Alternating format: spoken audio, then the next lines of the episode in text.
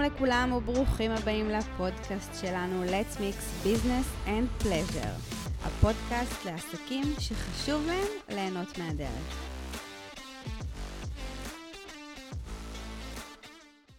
איזה כיף שחזרתם לפרק נוסף אצלנו, והיום אני רוצה לדבר איתכם על הפרעות קשב וריכוז, או בעיית קשב וריכוז, או מתנת קשב וריכוז, you name it, ואיך אפשר, למרות הקושי והאתגר, לנהל עסק בצורה המיטבית ביותר. וכיאה לאופן שאני מדברת על דברים, אני אתחיל בסיפור האישי שלי.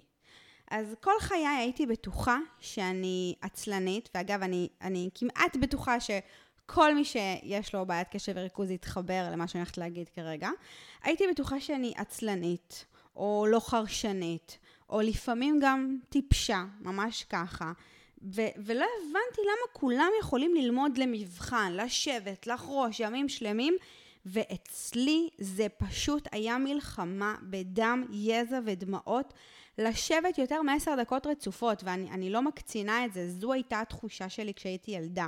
אימא שלי, מחנכת בפנסיה, בכל רמ"ח איבריה, ביקשה ממני נון סטופ ללכת לאבחון.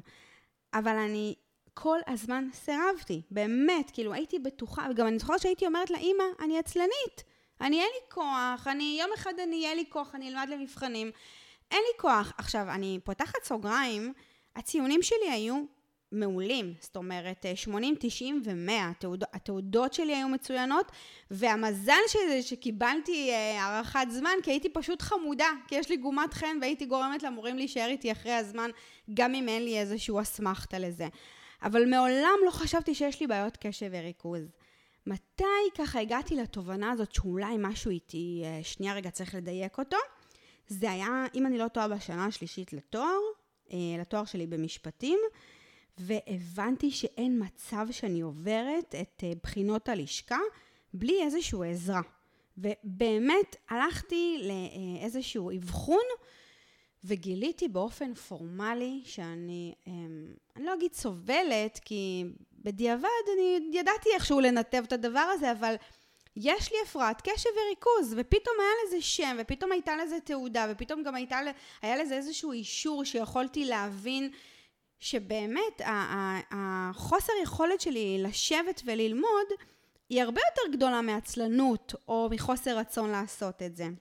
זו אגב, בדיעבד, אחת הסיבות שהביאה אותי להקים את הנייר הזה, כי הבנתי לאורך כל שנות הקריירה שלי שכל משרה שלא כוללת הרבה מאוד תחומים במקביל ומלא משימות ו- ולקפוץ מאחד לשני ו- ומלא ממשקים רוחביים אם התבקשתי לעשות משהו אחד מונוטוני לאורך שעות, פשוט הייתי בוהה במסך. באמת, אם אני חוזרת לשנת ההתמחות שלי, הייתי צריכה לכתוב כתבי בית דין, הייתי לוקחת את כל החומרים, יושבת בבית, שישי שבת, וכותבת כתב אה, בית דין עם, עם, עם, עם הרטלין שלקחתי דאז, ועם עזרה וש, ושקט וסביבה שקטה, כי פשוט לא יכולתי לעשות את זה במשרד. והבנתי שככה אני לא יכולה להמשיך את החיים שלי. זאת אומרת, זה לא סגנון העבודה שיכול להתכתב עם המהות שאני, וגם לא רציתי לקום בבוקר ולקחת אה, כדור או תוסף או כל עזרה שהיא, והבנתי שהמנהלת משרד, במהות שלה, עוזרת אישית, מנהלת משרד, כל מה שהיא צריכה זה להיות עם בעיות קשב וריכוז, אחרת אין אפשרות לצלוח את הדבר הזה. אנחנו חולשות על כל כך הרבה משימות ותחומים והגדרות וסקשנים כל הזמן פתוחים ובלת"מים וניהול משברים, שחייב להיות קצת קוצים בטוסיק, מה שנקרא, כדי שנוכל לנהל את הדבר הזה. וכנראה שלימים, בדיעבד, זה, זו הסיבה שזה העסק שאני הקמתי והחז... ואני מחזיקה בו מעמד כל כך הרבה זמן, וגם לא אה, מתייאשת או לא מרגישה ש... שמיציתי את זה. אז אני ממש אשמח לשתף אתכם בשישה טיפים שהם ממש כל עולמי, מתוך עולמי האישי המקצועי, ויכולים לעזור לכם לנהל את העסק שלכם גם אם יש לכם הפרעת קשב וריכוז. אז אתם מוכנים? קחו מחברת ועט ותרשמו את הדברים האלה, כי הם באמת באמת משמעותיים. נתחיל בראשון, ניהול אנרגיה. אחד הדברים שלא יכולתי לסבול בתחילת הדרך כשהבנתי שיש לי הפרעת קשב וריכוז וניסיתי להבין איך אני אה, מייעלת אותה, איך אני פועלת בתוכה, היו כל מיני סדנאות של ניהול זמן. היום בדיעבד אני יכולה להגיד, אין דבר כזה ניהול זמן.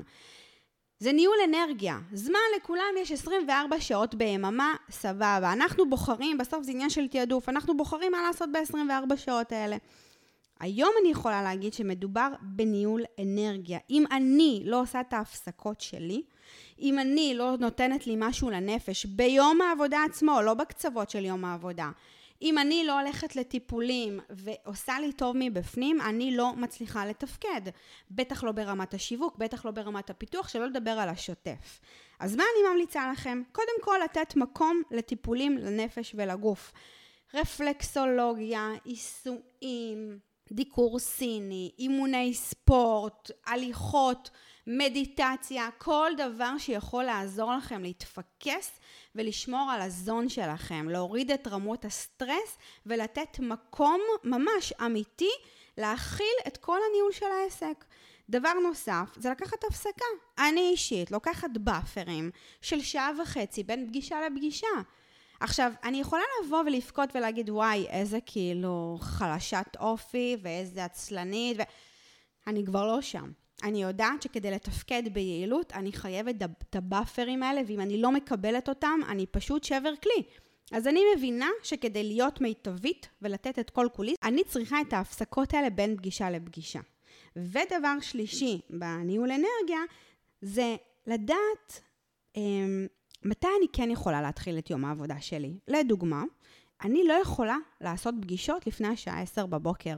אני עדיין לא חדה מספיק, אני לא אה, מדויקת, אני לא יודעת לזקק את מה שאני רוצה להגיד. לוקח לי הרבה זמן להתחיל את היום, אני מכירה את זה מאז שאני שכירה, ופשוט קיבלתי את זה. בעבר מאוד התנגדתי לזה, אמרתי, מה, איך זה נראה, איך זה נשמע, זה מאוד, עוד פעם, עצלני, עוד פעם, לא אה, מקצועי. לא, אני יודעת שאני פגישות יכולה להתחיל מהשעה 10 בבוקר, וזה בסדר, ואני הסכמתי עם עצמי. אז אני רגע מסכמת את הנקודה הראשונה. הנקודה הראשונה מדברת על ניהול אנרגיה. תמצאו לכם מקום לטיפולים לנפש ולגוף. אה, תדאגו לעשות באפרים בין פגישות או בין משימות. ותחליטו מאיזו שעה אתם באמת מתחילים לעבוד אה, ביום העבודה, או ב- מאיזו שעה אתם רוצים באמת לקחת חלק בפגישות העבודה. נקודה שנייה, ומאוד מאוד מאוד חשובה, היא ביטול ההתראות. אני יכולה להגיד לכם שאני לא מסוגלת היום לשבת ליד בן אדם שהטלפון שלו מצפצף כשהוא מקבל מייל, כשהוא מקבל וואטסאפ, בכלל ההקלדה הזאת של ההודעה בוואטסאפ, שיש את הרעש של הטקטוקים של המקלדת, זה מוציא אותי מדעתי. אצלי כל ההתראות מבוטלות. מה קורה כשקופצת הודעה או התראה? אני יכולה לעזוב את הכל, את הכל, ולהסתכל עליה. וזה נוראי. אני הבנתי שאם אני משאירה את ההתראות בטלפון, אני פשוט ממשיכה ללכת לאיבוד. אז המלצה שלי אליכם, הטיפ השני הוא לבטל התראות. אני לא מקבלת אה, התראות וואטסאפ, אלא אם אני מורידה את החלון אה, התראות או נכנסת לוואטסאפ. כנ"ל לגבי מייל, כנ"ל לגבי אס.אם.אסים, הכל. אין לי צפצופים בטלפון למעט שיחת טלפון. הדבר הזה באמת מציל את הקשב, ואני ממליצה, גם אם קשה לכם, להתחיל בקטנה. להתחיל באמת ככה רק אולי בזמן משימות, או רק בשעות מסוימות ביום, לבטל את ההתראות. טיפ השלישי שלי הוא לשכתב. מה זה אומר? אני גיליתי שמה שהיה, אה, מה שעזר לי בתיכון לצלוח את הבגרויות המטורפות האלה, זה העובדה שיש לי זיכרון צילומי.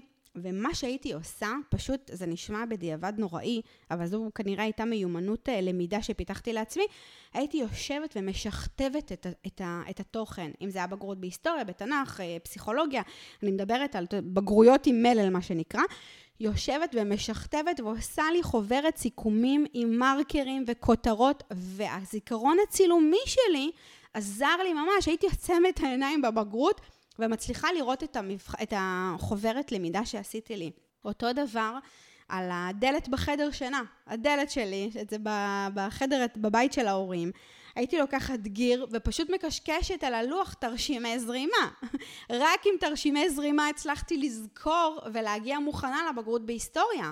זאת אומרת, אני כנראה באמת פיתחתי לי כל מיני מיומנויות שעזרו לי, והיום אני יכולה להגיד שעל אף שאני בן אדם סופר טכנולוגי, ומתה על מערכות, באמת, מערכות ניהול משימות זה החיים, אין כמו מחברת. באמת, המחברת עוזרת לי להתפקס, ואני מנהלת רשימות אה, במחברת פיזית, שוב, על אף הטכנולוגיה.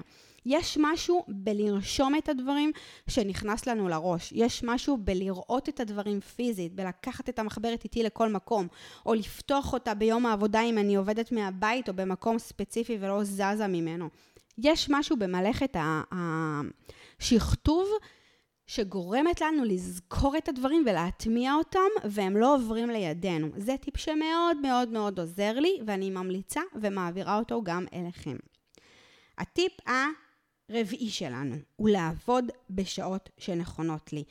אני חייבת רגע לציין, זו לא המלצה עסקית, אוקיי? אני בטוחה, אני בטוחה גם שזה כנראה פוגע בעסק שלי, אבל אני יודעת שאם אני עושה משהו הפוך, אני פוגעת עוד יותר בתפקוד שלי. מה זה אומר? אנחנו מתחלקים לשני סוגי אנשים. יש אנשים של בוקר ויש אנשים של לילה. אני חייבת להגיד שכחלק מההתפתחות האישית שלי, שהתחילה כבר לפני 7-8 שנים, כשהתחלתי לקחת קורס NLP, הייתי שומעת המון סרטונים ופודקאסטים והרצאות על כמה חשוב לקום בחמש בבוקר, מועדון החמש בבוקר, וכל כך ניסיתי. אני לא יכולה לתאר לכם כמה ניסיתי, כל כך רציתי להיות מהאנשים האלה שקמים בחמש בבוקר, מתקתקים את המשימות ומגיעים חדים כבר לשמונה, תשע בבוקר. ניסיתי בכל רמה חבריי, לא הצלחתי. לא הצלחתי, זה פשוט לא בבילדין שלי. וכשניסיתי להבין למה אני לא מצליחה, אני גם זוכרת שהתייעצתי עם עדי מאור סיסו, אה, אהובתי הנצחית לאפקטיביות. היא שאלה אותי, למה את עושה את זה? למה את רוצה לקום בחמש בבוקר? ואמרתי לה, כי כולם קמים. והיא אמרה לי, זו לא סיבה מספיק חזקה כדי שזה יצליח לך. ואז הבנתי שאני פשוט צריכה לכבד את הבן אדם שאני. ותכבדו את האנשים שאתם. אם אתם אנשים של בוקר, מדהים, תעשו את הכל בבוקר. אם אתם אנשים של לילה, תשמרו את הפיתוח ואת השיווק ואת הדברים שדורשים יותר יצירתיות ללילה. אני, הצוות שלי יודע שאני עובדת בלילות, אני לצערי גם עובדת בסופי שבוע. השעות השקטות האלה שהן מחוץ לשוטף, הן עוזרות לי להיות הרבה יותר יצירתית בעסק. ולכן התפקוד שלי עולה בשעות האלה. אני יכולה בשלוש בבוקר לכתוב תכנים ולפתח מוצר חדש ולכתוב איזה נוהל מדהים לאחד הלקוחות שלנו, אבל בעשר בבוקר אני יכולה לבעוט בזום ולא להבין איפה אני נמצאת.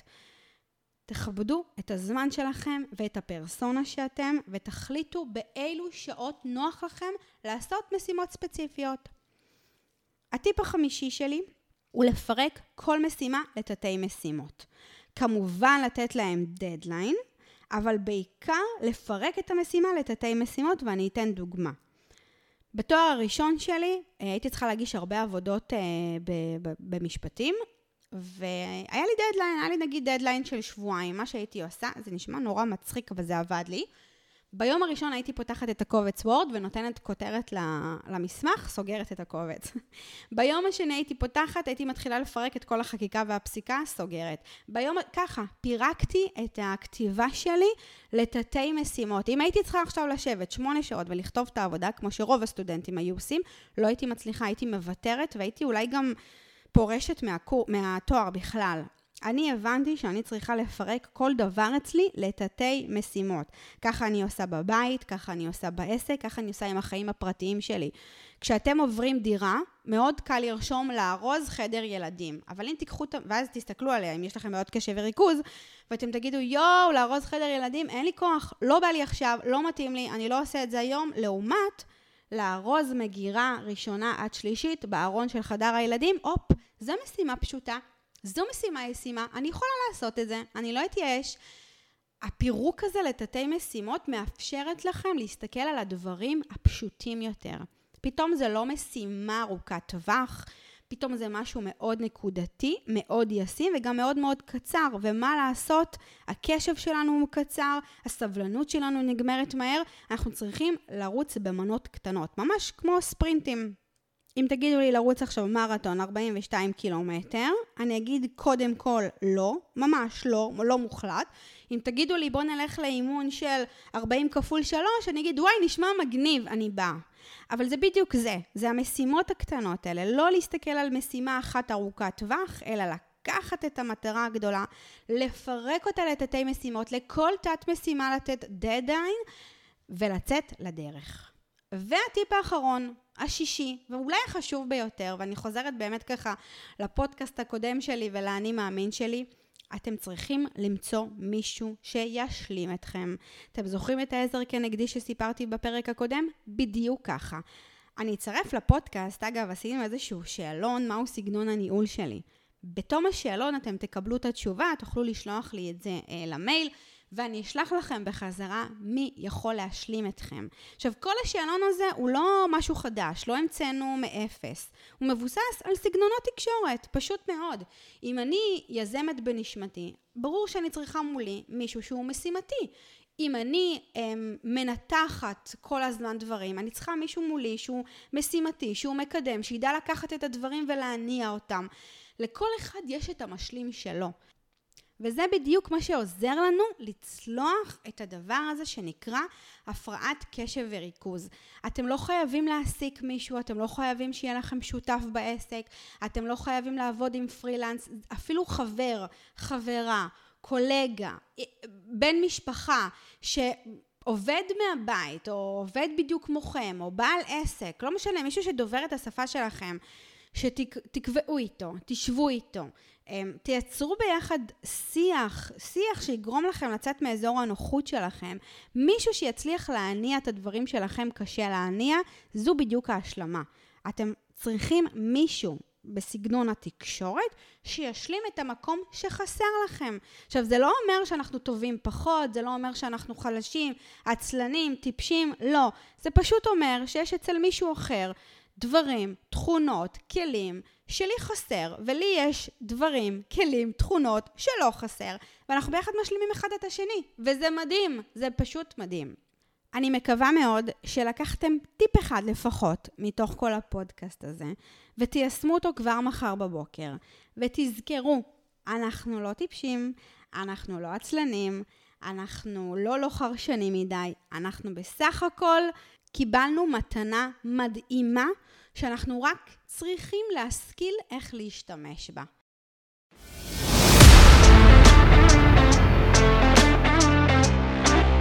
אז יאללה, תעשו טובה, חפשו אותנו באינסטגרם, תעקבו אחרינו, בואו ליהנות, לצחוק ובעיקר להחכים.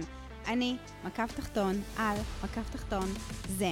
תודה לכם על ההקשבה, ותודה לי על האומץ, ויאללה, בואו נכניס קצת פלז'ר לתוך כל הביזנס הזה.